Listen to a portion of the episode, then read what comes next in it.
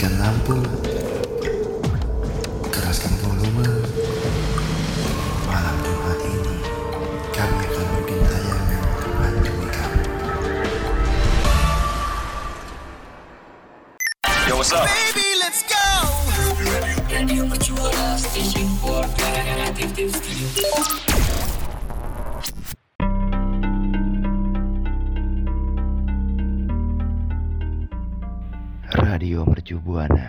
Station for Creative Student. Halo rekan Buana. Kembali lagi bersama gua Agun dan Satrio di program Mystery Zone yang akan menemani malam Jumat kalian. Gue mau ingetin buat kalian semua rekan Buana, jangan lupa untuk follow media sosial kita di Instagram dan Twitter at Radio Mercu Buana. Un- dan untuk rekan Buana yang ingin streaming siaran kita, langsung aja ke Spotify Radio Mercu Buana. Radio Mercubuana Station for Creative Students. Halo rekan Buana. Kali ini gue dan Satrio mempunyai kisah horor dari rumah sakit paling angker di Indonesia. Yang pertama ini ada Rumah Sakit Dr. Cipto Mangunkusumo atau yang biasa disingkat RSCM. Cerita horor yang pertama berasal dari RSCM yang berada di Jakarta Pusat. Rumah sakit ini sendiri pun pertama kali diresmikan dan dibuka pada tahun 1919. Hmm, sudah sangat tua bukan? Nyatanya hal itu selaras dengan sangat banyaknya pengalaman mistis yang terjadi di rumah sakit ini. Dan salah satu cerita tersebut berasal dari seorang mahasiswa bernama Romli. Pada suatu malam, ia tengah berjalan pulang menuju rumahnya. Namun di tengah perjalanan, ia melihat segerombolan orang tengah berkumpul di pinggir jalan. Ia pun lantas menghampiri gerombolan tersebut. Nah, ternyata orang-orang di sana berkumpul lantaran tengah membantu seorang korban kecelakaan. Romli pun lantas menyadari bahwa korban tersebut adalah teman sekampusnya. Dengan bergegas, ia menolong temannya tersebut dan membawanya ke rumah sakit terdekat dengan bantuan warga sekitar. Kebetulan rumah sakit terdekat dengan lokasi kejadian pada waktu itu adalah RSCM. Sehingga Romli pun membawa temannya untuk berobat ke rumah sakit tersebut. Sesampainya di rumah sakit, teman Romli langsung mendapatkan perawatan intensif. Romli pun mencoba untuk menghubungi kedua orang tua temannya.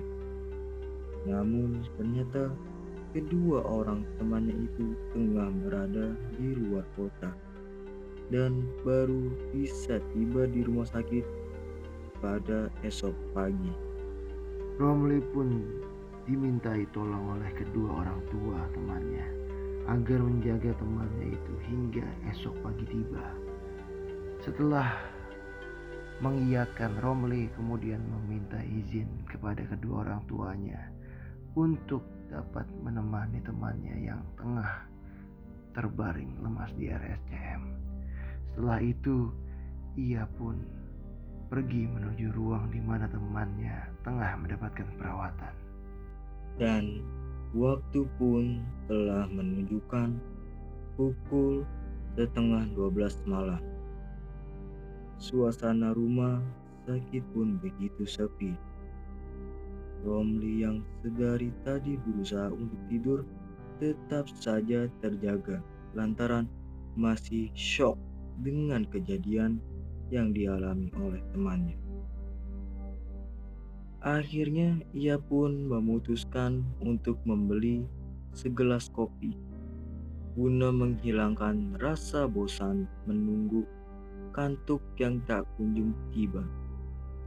Ia kemudian bertanya lokasi kantin kepada orang seorang perawat yang kebetulan ditemui di salah satu lorong RSCM. Namun, alih-alih mendapat petunjuk, Romli malah bingung karena penjelasan dari perawat yang sedikit tidak jelas. Akhirnya, ia pun memutuskan untuk menggunakan instingnya demi mendapatkan segelas kopi.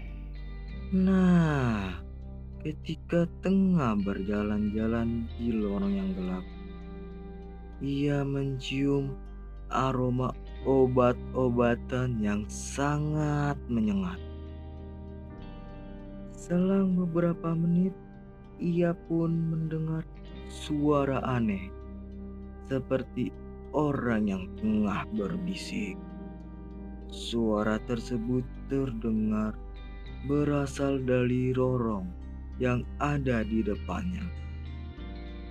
Karena penasaran, ia pun mendekati sumber suara tersebut. Anehnya, ketika Romli memasuki bangsal di mana sumber suara tersebut berasal, suara aneh itu menghilang.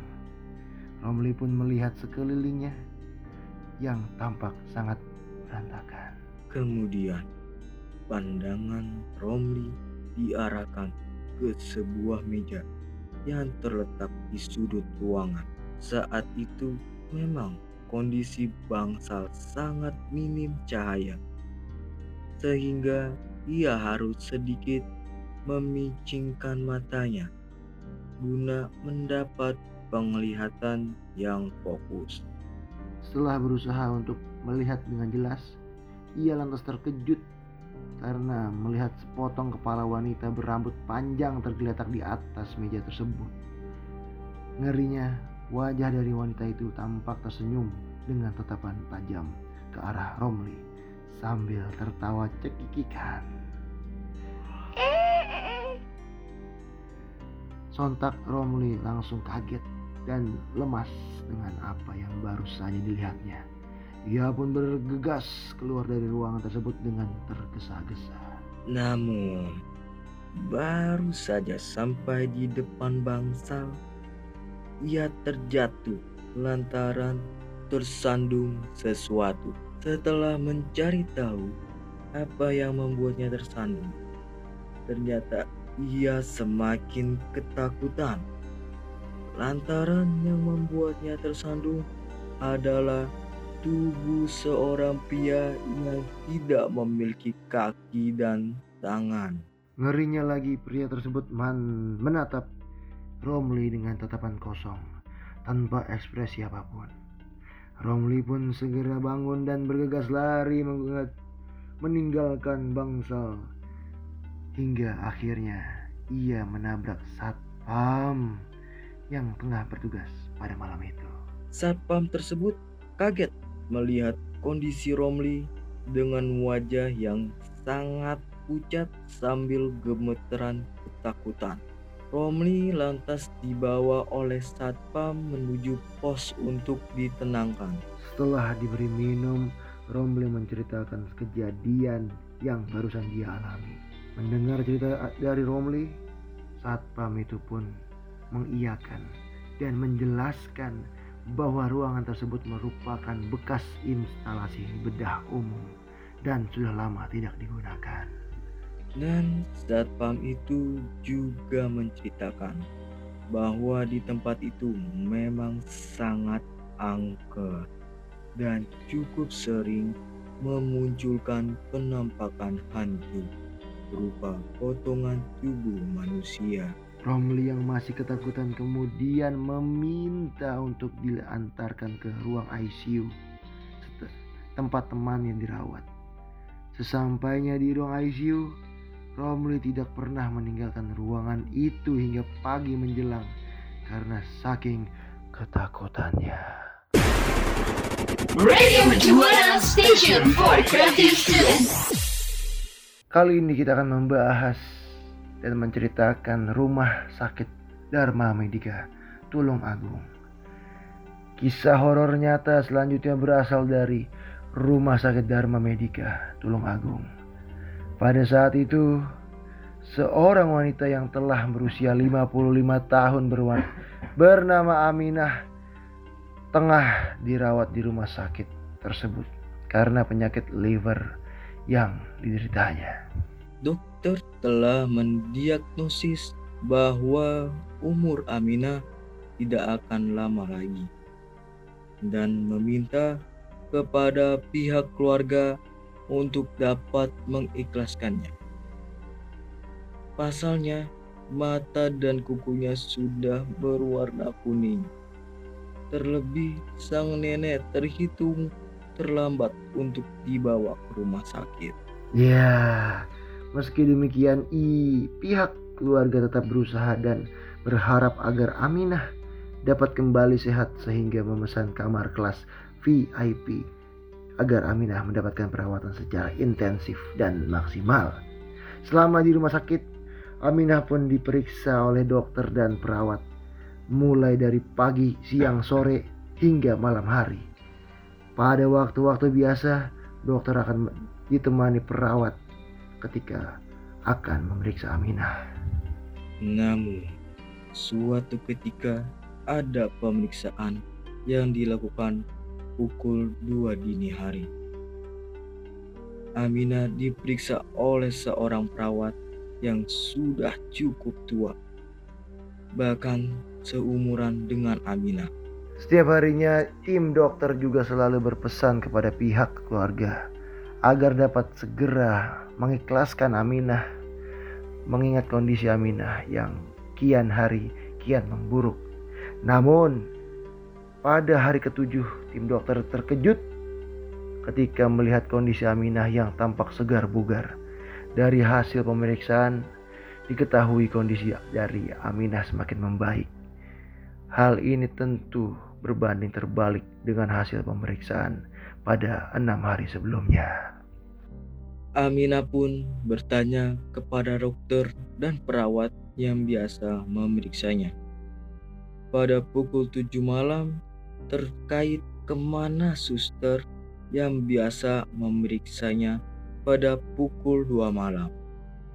Aminah ingin mengucapkan banyak terima kasih kepadanya. Mendengar ucapan tersebut, dokter dan perawat sangat terkejut. Pasalnya sesuai dengan jadwal rumah sakit, tidak ada pemeriksaan yang dilakukan pada pukul 2 dini hari lantaran maksimal tidak lebih dari setengah malam.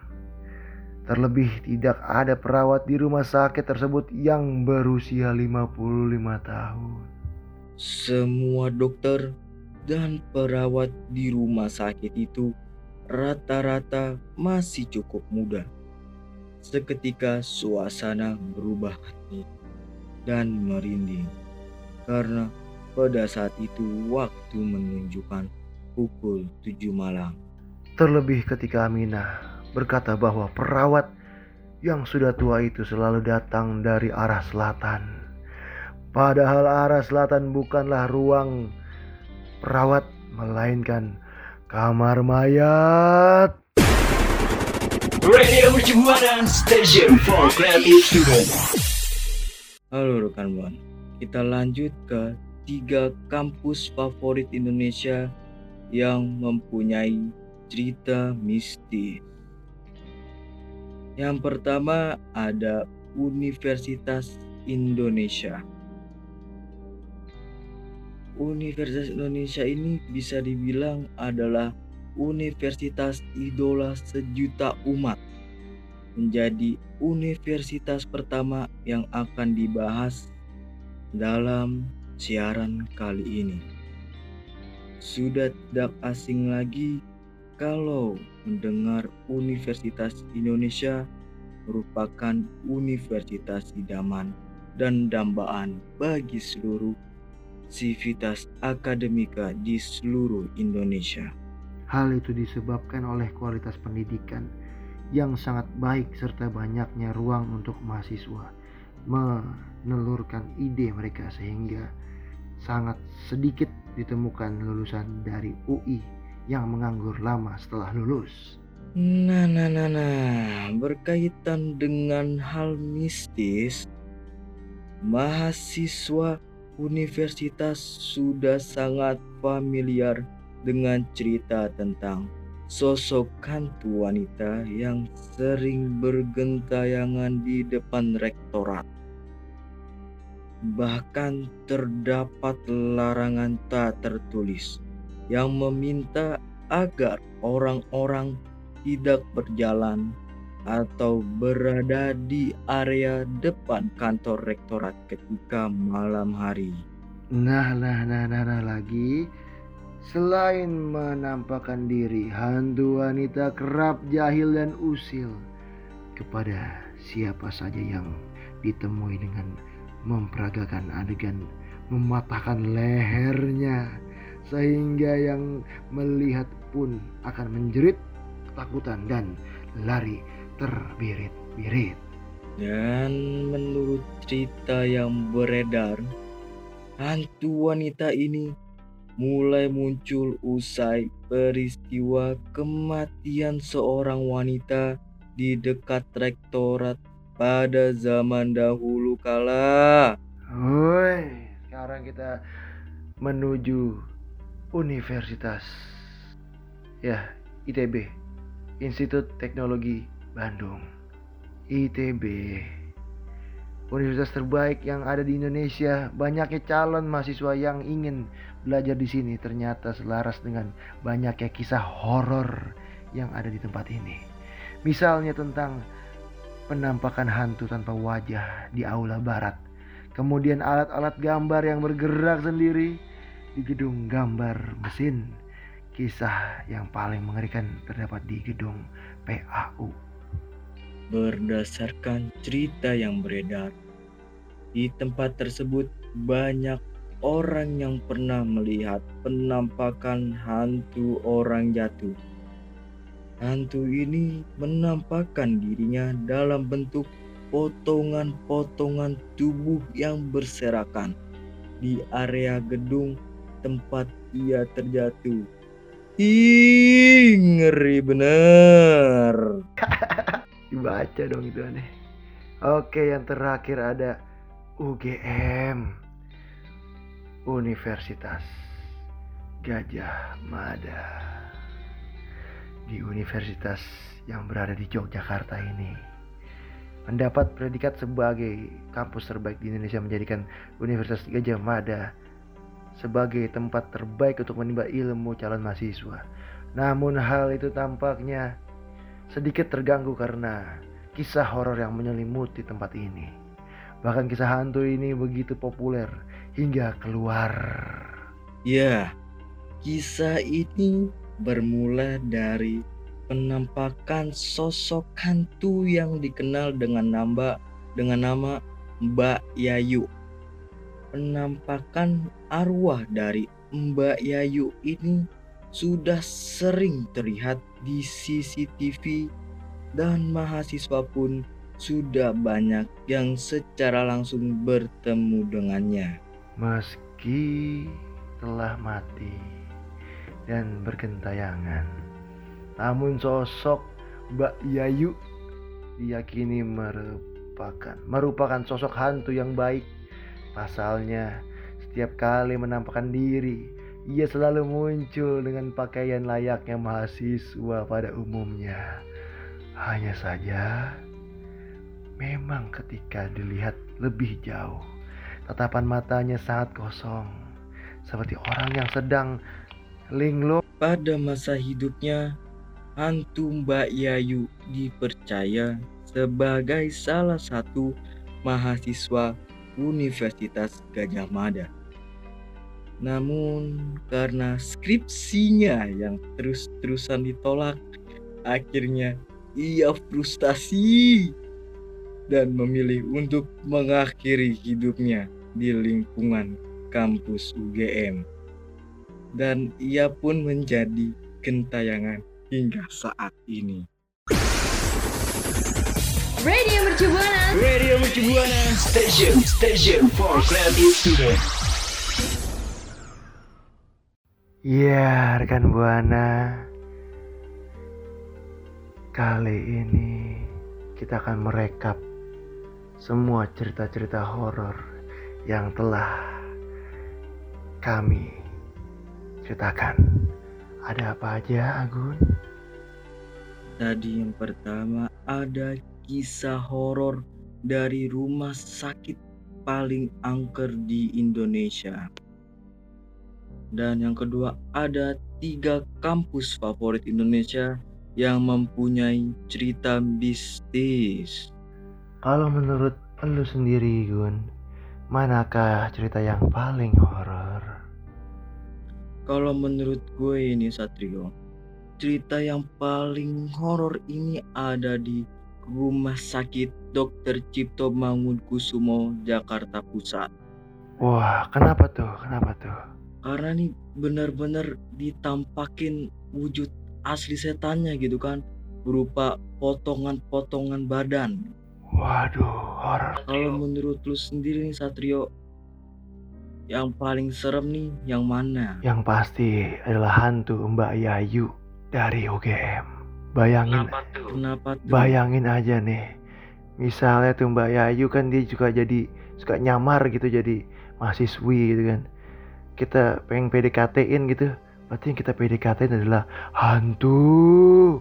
Mungkin itulah yang menjadikan kita anak-anak gundurwo setengah manusia setengah hantu ya kan kacau persilangan oke Gun sepertinya kita sampai sini aja nih ingetin dong rekan buana ya suruh ngapain aja tuh Oke oke oke. Gua mau ngingetin nih buat rekan buana semua jangan lupa untuk follow media sosial kita di Instagram dan Twitter @radiomercubuana. Dan untuk rekan buana yang ingin streaming siaran kita langsung aja ke Spotify Radio Mercu Buana. oke gua Satrio Nur Suara Gua Agun undur suara. Kura-kura namanya Dina. Sayonara rekan buana. Sampai jumpa malam Jumat berikutnya.